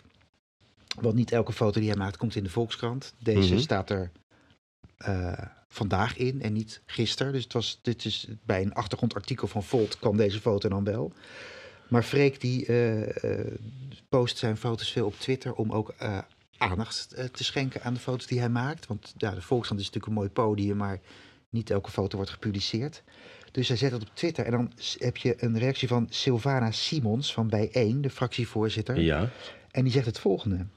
Inhoudelijk kan en zal ik niks zeggen over wat zich intern bij een andere partij afspeelt. Maar dit is de tweede keer dat ik een dergelijke foto zie. Vond en vind het nogal smakeloos. Mogen politici nog ergens, tv op eigen kantoor, mens zijn? Even uitblazen, traantje laten. Wat Sylvana nu zegt is eigenlijk, eh, ja, zij ontkent de geschiedenis van de Nederlandse parlementaire fotografie. Ehm, Kamerleden moeten de regering controleren. Journalisten, fotojournalisten controleren ook de Tweede Kamer en de regering. Ja. Ja, dit, dit, dit is de echte emotie bij meneer Dassen, die natuurlijk ongelooflijk baalt van hoe hij dit gedaan heeft. En ik vind het eh, nogal opvallend dat een, een, een Tweede Kamerlid eigenlijk zegt van ja, moeten we dit soort foto's wel willen? En ehm Freek zelf denkt dat het ligt aan het gebrek aan menselijke maat in de Tweede Kamer. Hè. De, de, de discussies, de debatten worden allemaal groffer en het is meer eh, op de persoon gericht dan op de inhoud. Nou ja, bla bla bla. Het moest mij ook denken aan een foto uit de jaren zeventig. Toen waren er nog niet zoveel eh parlementair fotografen. En toen was er een eh, tv-debat tussen Joop den Uyl en Hans Wiegel. Ja. En in dat debat, live op tv, moest Hans Wiegel huilen. Hij had net zijn vrouw verloren door een auto-ongeluk. En op de foto zie je Wiegel huilen en Den Uyl pakt de arm van Wiegel om hem te troosten. En er waren twee fotografen bij. Eén was Dolf Toussaint, die heeft de camera van zijn gezicht gehouden en heeft die foto niet gemaakt. En Bert Verhoef heeft die foto wel gemaakt. En in de tijd kreeg Bert daar heel veel kritiek op. Want ja, dat, dat hoort toch niet. En, en eh, zelfs de, de beelden van die live-uitzending zijn vernietigd. Die zijn niet meer in het archief te vinden. Die, dat, dat kan je niet meer terugzien. Dus die, die foto is eigenlijk het enige wat er nog is. Hoe dan ook, eh, juist ook de laatste jaren in die politieke fotografie zie je heel veel emotie bij mensen die weg moeten gaan. Samsom vertrekt, eh, Art van der Steur moet weg, Halbe Zijlstra moet weg. Die knuffelen dan in het openbaar met, eh, in het geval van Samsom, Asscher en met en die VVD'ers die knuffelden met Rutte. Daar zie je die emotie dan in de Tweede Kamer. En ik vind, als je die emotie kan vangen, eventueel stiekem door twee ramen gefotografeerd, ja, dan is dat de taak van een journalist om dat toch gewoon te doen. Dus dat is wel interessant. Dat, een, dat, dat mevrouw Simons vindt dat dat eigenlijk niet kan. Ja, ik, ik, ik, vind dat ze hier compleet, ik vind dat ze hier compleet de plank mislaat. Ja, nou, alles, dat- dat alles, alles, alles wat je, wat je. Ten eerste, de, de wet is heel simpel. Alles wat je kan zien vanaf de openbare weg mag je fotograferen. Ja, maar dit is dan in het Kamergebouw. Ja, Maar het grappige is, Laurens Das is eerder in deze kamer gefotografeerd. Dus hij weet dat als hij in zijn kamer is, dat daar, En als je als niet er wil- nieuws is, twee fotografen met een 400 mm lens ja maar als je dan- kamer in kieken. A, A, als je het weet, dat is dan al de tweede keer. Dan denk ik bij mezelf, doe dan, als je het niet wil, doe je de luxeflex dicht. Ja. Doe de gordijnen dicht. Dat Ja. is gewoon eh, simpel. Ja, Mark Rutte weet precies wanneer hij eh, in het torentje gefotografeerd wil worden. Vanaf 300 meter aan de andere kant van de Hofvijver, of niet. mhm. En als hij het wil, dan kan je hem zien. Als hij niet wil, dan zorgt Ja. hij dat hij, Dat daar hij niet te zien is, ja. Dat is ook professioneel. Je weet dat je onder een vergrootglas Ja. ligt. En dat, ehm, Ja, nou ja, goed. Dus het zijn eh, drie hele verschillende foto's. nou, ik ben benieuwd, eh, meneer Beekman. Ja, dat is... Laat, laat, laat, u, laat uw wijsheid schijnen. Ik weet het nog steeds niet. ik doe het op het laatste moment. En het wordt een foto van Marijn Vidder. Die gaat mee in de eindronde, einde van het jaar, voor de grote De grote fotografie nieuwsprijs. nieuwsprijs. De grote fotografie podcast, Podcast. nieuwsprijs. Ja, we moeten nog... Mijn hemel. Naam en bokaal moeten nog... eh, Naam en bokaal worden nog, Ja. worden, worden nog gemaakt. Ja. Maar ik, weet, ik denk dat ik al weet wat het gaat worden. Hoe de bokaal Oh, eruit gaat zien. Ja, ja, de ja. Nee, nee, nee, nee, Nee, nee, Hoe de, hoe, de, hoe de bokaal eruit gaat zien. Hoe Ja. de prijs eruit gaat zien. Oké. Dat, eh, dat, eh, dat weet ik al. Nou, top. Ik zal ze deze keer zeer snel wel plaatsen op Instagram en op Facebook. Ja, En dan Heel is het goed. ondertussen is het tijd voor onze vragen. zeker. Heb jij... eh, ik, heb, eh, ik heb van... eh, via de mail heb ik van Remco Hornger... heb ik een, een, vraag, een tweeledige vraag gekregen. En ehm, ik, hij vraagt eigenlijk... hij, hij twijfelt altijd, als hij aan het fotograferen is... twijfelt hij eigenlijk altijd over van... joh, wat, wat, hoe, hoe, hoe moet ik nou doen met instellingen... en wat heeft nou de voorkeur? Heeft manual de voorkeur of heeft automatisch belichten de voorkeur? Dat is een, nou ja, een, een, een toch, toch wel een veelgehoorde en logische vraag. Want ik, ik, ik merk vaak dat mensen zeggen: ja, nee, manual, dat is echt heel veel beter om dat te doen. Ja, nou ja. Dat, dat- en deel 2 van de vraag, maar daar gaan we dus zo beginnen. Deel 2 van de vraag is: als je dan de keus maakt voor manual, hoe bepaal je dan uiteindelijk je instellingen? Oké. Maar goed, die eerste deel van die vraag. Handmatig belichten. Dus zet je je camera op de welbekende M-stand. Waarbij je en je diafragma en je sluitertijd en je gevoeligheid zelf in moet stellen. Of zeg je nee, dat, dat is maar allemaal te ingewikkeld. Of dat wil ik niet. Of dat, ik Ja. doe het lekker automatisch. Ik denk dat ik begonnen ben met A, dat ik het diafragma koos. Maar al vrij snel overging op eh, S of T, hoe heet het? Ja, Sluitertijd de S. T, T was Canon en S is de alle andere. Ja, oké. Nee, toen ben ik op sluitertijdvoorkeur overgegaan, omdat het toch te veel onscherp werd met die A. Ja. En al jaren en jaren en jaren doe ik nu alles op M. Met als grote voordeel dat ik nu een systeemcamera heb waarbij ik meteen kan zien of ik goed aan het belichten ben. Uh, Dus dan heb ik mijn ISO ergens vast op staan. Of het nou 100 of 400 is, maakt ook geen donder meer uit tegenwoordig. nee. Ik heb het over buitenfoto's. En nou ja, binnen is het vaak 2,8, buiten 4 tot maximaal 5, 6. En dan, schrijf ik, en dan pas ik de sluitertijd aan. Ja, en waar wij Ik kies dus. ISO, ik kies diafragma en dan weet ik dat de sluitertijd dan ook ongeveer in het goede gebied zit, zeg maar. Oké, maar voor de goede orde. Jij bent een bestaand lichtfotograaf. Ja. En eh, jij fotografeert heel weinig met flitslicht. Dat is niet, jouw niet jouw eerste keus. Alleen s'avonds op bruiloften, op het feest. ik heb vijf bruiloften dit jaar, maar we dwalen af. Oké. Eh, nou, ja, ik heb, ik heb ISO-auto geprobeerd. En als je dan naar buiten en naar binnen loopt, heb je gewoon één diafragma, één sluitertijd en dan past hij de ISO aan. Mhm. Daarvan was het gevolg dat ik op een bepaald moment buiten met 6400 ISO aan het fotograferen was, omdat ik het even weer vergeten was terug te zetten. Ja. Dus kies voor één methode en houd je eraan. Ga niet hoppen tussen manual en automaat. Oké, nou, ik, ik zal even uitleggen. Ik fotografeer dus heel veel met flits. Dus ik licht alles uit. Dus bij mij is het sowieso standaard eh, manual. Ja, begrijp ik. Ik, ik, ik doe vrijwel niet anders. Ehm, als ik daarentegen eh met bestaand licht fotografeer, dan zit ik eigenlijk fotografeer ik met diafragma voor keuze. Met auto ISO. Ja, En dat auto ISO, dat heb ik eigenlijk pas leren waarderen toen ik met Fuji begon te fotograferen. Mhm. Daarvoor deed ik dat nooit. En dat heeft er geresulteerd bij mij dat ik dus binnen aan het fotograferen was met 3200 A's aan de buiten liep. En dat ik daar met 3200 A's aan het fotograferen was. juist. Ja, dat, dat was echt een drama. Dat, dat, dat gaan we niet meer halen. Dus bij mij is het auto ISO. En eh, dan, gaat dat, dan gaat dat vloeiend gaat dat mee. En eigenlijk met diafragma voor keuze. Maar dan moet je weer aan het compensatiewieltje draaien. Min Ja. 1, plus 1. Ja. Dan loop je daar weer mee te klootviolen. Ja, nee, maar dat gaat... en dan dat heb je gaat, ongeveer dezelfde handeling als op M. Want dan pas je, moet je ook Ja. aan iets draaien. Klopt. Alleen ik, ik vind het heel fijn om dan net even dat over- en onderbelichten. Dat gaat heel snel. En aangezien je zoveel dynamisch bereik hebt. Mocht je er een keertje naast zitten met over- en onderbelichten. Ja, dan, dan kan je dat uite- uiteindelijk in RAW. Kan je dat gewoon weer Ja. oplossen. Want dat doe ik nog steeds. Ja. Bij mij gaat het ook af en toe gewoon helemaal mis. Dan staat hij nog op een stand van Studio Flits. Dan vreet ik dat terug te zetten. En dan denk ik met mijn systeemkamer dat ik goed aan het belichten ben. En dan is alles twee tot drie stoppen onderbelicht. Ja. De nieuwe wethouders op een trap bijvoorbeeld. Het is gebeurd. Niemand die het merkt. Want het Nee, maar uiteindelijk, heb, uiteindelijk heb je het goed. Ja, Ja. nee, ik heb, ik heb met die dierenfotografie van de week... heb ik, eh, heb ik eigenlijk dan... als ik dan mijn foto's moet maken... dus die, die ze moeten hebben... dan komt er even komt er, eh, komt er licht bij. En dan, dan licht ik de scène uit. Dan maak ik het met, eh, met op 100 ASA of 200 ASA. En dan op een 125ste 2.8 en dan flits ik het in. En dan Ja. dan heb ik een uitgelichte foto. En ik heb ook zeg maar een soort behind-the-scenes dingetjes gemaakt.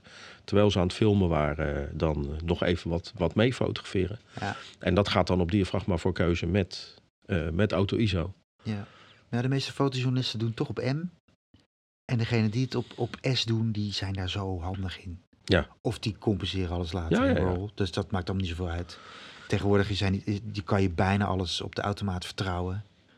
Met Klopt. matrixmetingen, als je dan een keer heel heftig eh, tegenlicht hebt of hele donkere achtergrond, ja, dan moet je aan een wieltje draaien. En dan, Ja. eh, ja. Het tweede deel van de vraag is eigenlijk wel heel complex. Want eh, als je dan voor manual instellingen kiest, hoe bepaal je dan in hemelsnaam welke instellingen je nodig hebt? Maar dat is denk ik wel een hele complexe vraag. Nou, ja, ik had van de week een winkelstraat met schaduw en zon. En een politicus die aan het flyeren was. En dan zet ik hem gewoon op 320 of 400 ISO. Want dan weet ik dat hij in de schaduw ook nog wel eh, snel genoeg is. Met diafragma 4 bij minimaal een 200ste seconde. En dan blijf ik gewoon aan het wiel draaien voor die sluitertijd. En in de zon dan wordt het opeens, ja wat was het? Misschien een 2000ste seconde of zo. Ja. En in de schaduw draai ik weer terug. En dan zit je op een 200 e ja, dan, eh, ik ja. weet niet eens, maar dat dan, ja. Ja. Ik heb, Nee, maar dat gaat natuurlijk op een gegeven moment gaat dat, wordt dat zo'n automatisme en dat gaat zo snel ja. dat je eigenlijk niet Maar eens dat is, meer. dat is wat ik dan het handigste vind. Ja, i- daar was misschien auto ISO ook heel handig geweest, maar dat durf ik niet. Want ik heb heel weinig ervaring met dat instelwieltje. Nou, dus Achter op mijn camera kan ik dan draaien, maar dan dat heb ik gewoon te weinig eh, ervaring mee. Dus als ik nu, nu voor kies om dat te gaan doen, nee, dat is, dat dan is heb zeer, ik twee, zeer- twee zeer weken nodig om eraan te wennen. Zeer onverstandig. Nee, ik heb mijzelf inderdaad aangeleerd met over- en onderbelichten en dat gaat heel erg snel. Ja. Want dat zit gewoon op het draaiwieltje achter en dat zit standaard, staat dat aan. Ja. Dus ik zie gewoon, het wordt een te donkere foto, klak, klak, klak, klein beetje naar rechts, klein beetje naar enige links. nadeel draaien. bij automaat is dat je dan af en toe de instellingen vergeet. Bij manual doe je heel bewust, kies je ergens voor. En bij au- auto ISO of, of bij, bij, op automaat, dan kan je opeens op diafragma 11 uitkomen of op een dertigste seconde. En dan ga je helemaal nat als iemand aan het lopen is en je wil het scherp hebben. Ja. Dus dan is M voor de controle wel handiger. Met als voordeel dat als je een systeemkamer hebt, dat Maar je meteen bedoel je, ziet dat het goed bedoel is. je bij auto ISO? Nee, maar auto ISO is alleen maar dat, dat de Nou ja, dan- dan- automatisch Dan schiet hij in één keer naar de 8000 ISO als je, als je niet uitkijkt. Daar kan je om instellen. En ja, ik heb inderdaad, ik heb een, ik heb een, Je moet hem begrenzen. ja, je hebt, Ja. ik heb inderdaad, ik heb ook met auto ISO heb ik zeg maar voor de sluitertijd zit er een ondergrens aan en Ja. daarna gaat hij zijn gevoeligheid omhoog gooien. Dus minimaal een 125ste tot 3200 ASA. Precies. En dat kan je instellen. De Ja. plafond kan je instellen. En daarna gaat hij de sluitertijd naar beneden gooien. Dus dat kan. Ja, dan kan, die, kan je hele extreme krijgen. Maar ja, je, bent, je, moet er wel, je moet wel nog een beetje op blijven letten. Ja. Zeg je dat tegen de vragensteller nu of niet? Wel een beetje op blijven letten, Wel, wel, een beetje, wel een beetje op blijven letten. Ja. Het, het, het is dus complex, maar heel, heel simpel. Eigenlijk zou ik zeggen, je kiest... Je kiest... eh, je gaat datgene instellen wat voor jou op dat moment het belangrijkste is. Ja. Dus is voor jou op dat moment de sluitertijd het belangrijkste... in verband met het bevriezen van bijvoorbeeld beweging.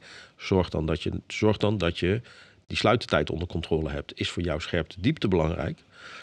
Zorg dan dat je je diafragma als controlemiddel hebt. En is voor jou ruis in je beeld bijvoorbeeld belangrijk. Zorg dan dat je je ISO onder controle houdt door dat zelf in te stellen. Ja. En neem dan de stappen die je zou moeten nemen. Namelijk, eh, kom je met lange sluitertijden, neem een statief of ga flitsen. Of zorg dat er, of zorg, of als er niet genoeg licht is, zorg dat er meer licht bij komt. Of Ja. dat je een statief bij je hebt. Maar eigenlijk houd datgene onder controle wat voor jou in dit beeld, wat je aan het maken bent, het belangrijkste is. Als we nog luisteraars over hebben, na deze uiteenzetting, dan heb ik ook nog een vraag. Het is best ingewikkeld. Dus Dank, dank je wel. kijk op YouTube naar filmpjes. Nee, dat is heel belangrijk. Ik heb een, een, eh, een foto, ik heb een vraag van eh, Roderick Kruid uit Den Haag. Ja. En die wil heel graag naast zijn telefoon ook een echte camera hebben. Maar hij wil ook niet sjouwen met allemaal verschillende lenzen. De vraag is, waar moet ik dan aan denken? Wat is dan leuk om te kopen, waardoor ik me toch een beetje fotograaf voel, waarbij je toch meer controle hebt over het beeld aan een telefoon, zonder dat je duizenden euro's investeert in een camera en drie lenzen. Hm. Ik ben daar best wel nerdy in. Ja, ik weet wat jij, ik weet wat jij gaat roepen. Ik heb de Poermens Leica Q. Ik heb een, eh, een Ricoh-camera. Ja. Dat is APS-C, dus een kleinere sensor, iets meer eh, korrel. Eh, je moet wel je leesbril opdoen als je fotografeert, want hij heeft geen zoeker. Je moet alles achterop doen. Oeh. Dus je bent toch weer met een soort telefoon bezig. Ja, maar je kan alles instellen. Oké. En het is echt natuurlijk een veel mooiere sensor dan een telefoon. Herinner ik me nou goed dat je bij de Rico GR, dat daar wel een opsteekzoeker voor Ja, is? maar dat is ook weer geld en ballast. En die heeft niet het hele beeld in beeld. Ik vind het wel mooi. Het is een Consa-camera. Hij is echt klein en je kan met een tik op het scherm en belichten en scherp stellen. Hm. En eh, ja, er komen hele mooie bestanden uit. Ik heb foto's van jou gezien, want jij, jij hebt hem. Ik, ik heb foto's Ik van jou gezien daarmee en het is heel erg mooi. Ja, Ja. met mijn hondje in het bos op, op ISO 400 kan het makkelijk. Ik heb één keer mijn dochter gefotografeerd die naar een livestream luisterde van Direct. En die heb ik als silhouet op de bank gefotografeerd. Ze stond Klopt, op de ja. bank te headbangen, achtig te dansen. ISO 8000. Ik denk even kijken of het kan. En? Prachtig korrelig. Het leek wel een film, een negatief. Ja. En die stond keurig op de voorpagina van de Haagse Courant. Dus het kan gewoon. Het is, heb je bij je, dan heb je een veel beter resultaat dan de telefoon die je echt altijd bij je hebt. Oké. En ik heb ook, in de tijd dat ik nog veel spullen kocht, de Sony RX100. Ja, En dat, daar zit een zoomlensje op. Die Rico heeft een vaste, nou ja, zeg maar 28. 28 mm, Ja. omgerekend naar eh, eh, full frame. En die eh, Sony die heeft volgens mij 2470. Je hebt nu ook eentje die 24200 heeft. Dat is de Sony RX100 versie 7 of zo. Maar ik ben niet zo'n telelens man. En als je vogeltjes wil fotograferen, neem je wel al je gear mee. ja. Maar die Sony is wat met meer knopjes, maar er zit een zoekertje op. Ja. Die kan je opklappen, uittrekken en dan kan je lekker het echte fotografengevoel, een beetje een Leica-gevoel krijg je. Ja. Klein Nou, zoekertje kijken. Als ik dan nog eventjes een suggestie mag geven. Wat, eh, bij benadering, wat kost, de, wat kost die Rico? Als ik helemaal iets gekocht heb, weet ik nooit meer de Ja, prijs. dat, je bent verschrikt. Volgens mij kost die rond, rond, ergens rond de 1000 euro. Ik denk iets minder. Ja, 900, zoiets. Ja, best ja, wel veel. Ja, best wel veel. Maar goed, ik heb, nog, ik heb, wel, ik heb een, ook een hele leuke suggestie. Oh ja. De X de, van, van Fuji. Weer Dat- Fuji mensen. Weer Fuji. Misschien moeten, we, misschien, moeten we, misschien moeten we een geluidje hebben. Ook als je Fuji zegt dat, er een, eh, dat je een hond hoort blaffen of zo. Ja. Nou, Fuji, eh, de X100-serie. De X100-serie. En dus ze zijn op dit moment zijn ze bij de X100V. Daar zit het equivalent op van een 35 mm vast lensje. het ziet eruit als een analoge camera. Ja. Ehm, je hebt gewoon een diafragma-ringetje en je hebt een knopje waarmee je de sluitertijd instelt en een knopje waarmee je de gevoeligheid instelt.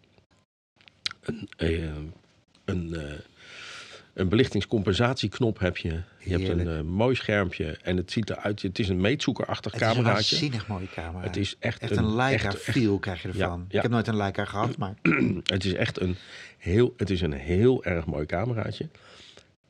Beelden die eruit komen zijn meer dan fantastisch. Echt, echt gewoon goede, goede foto's. Je, het is ook wel een. ik- vind, het, ik vind het een fotografencamera. Ik vind het geen camera voor mensen die zeggen. Nou, ik wil wel eens wat Nee, meer precies. dan een telefoon. Want je moet, als je het er echt uit wil halen, dan zou ik zeggen, verdiep je ook een beetje in hoe dat nou werkt met sluitertijd en ik heb de allereerste versie gehad.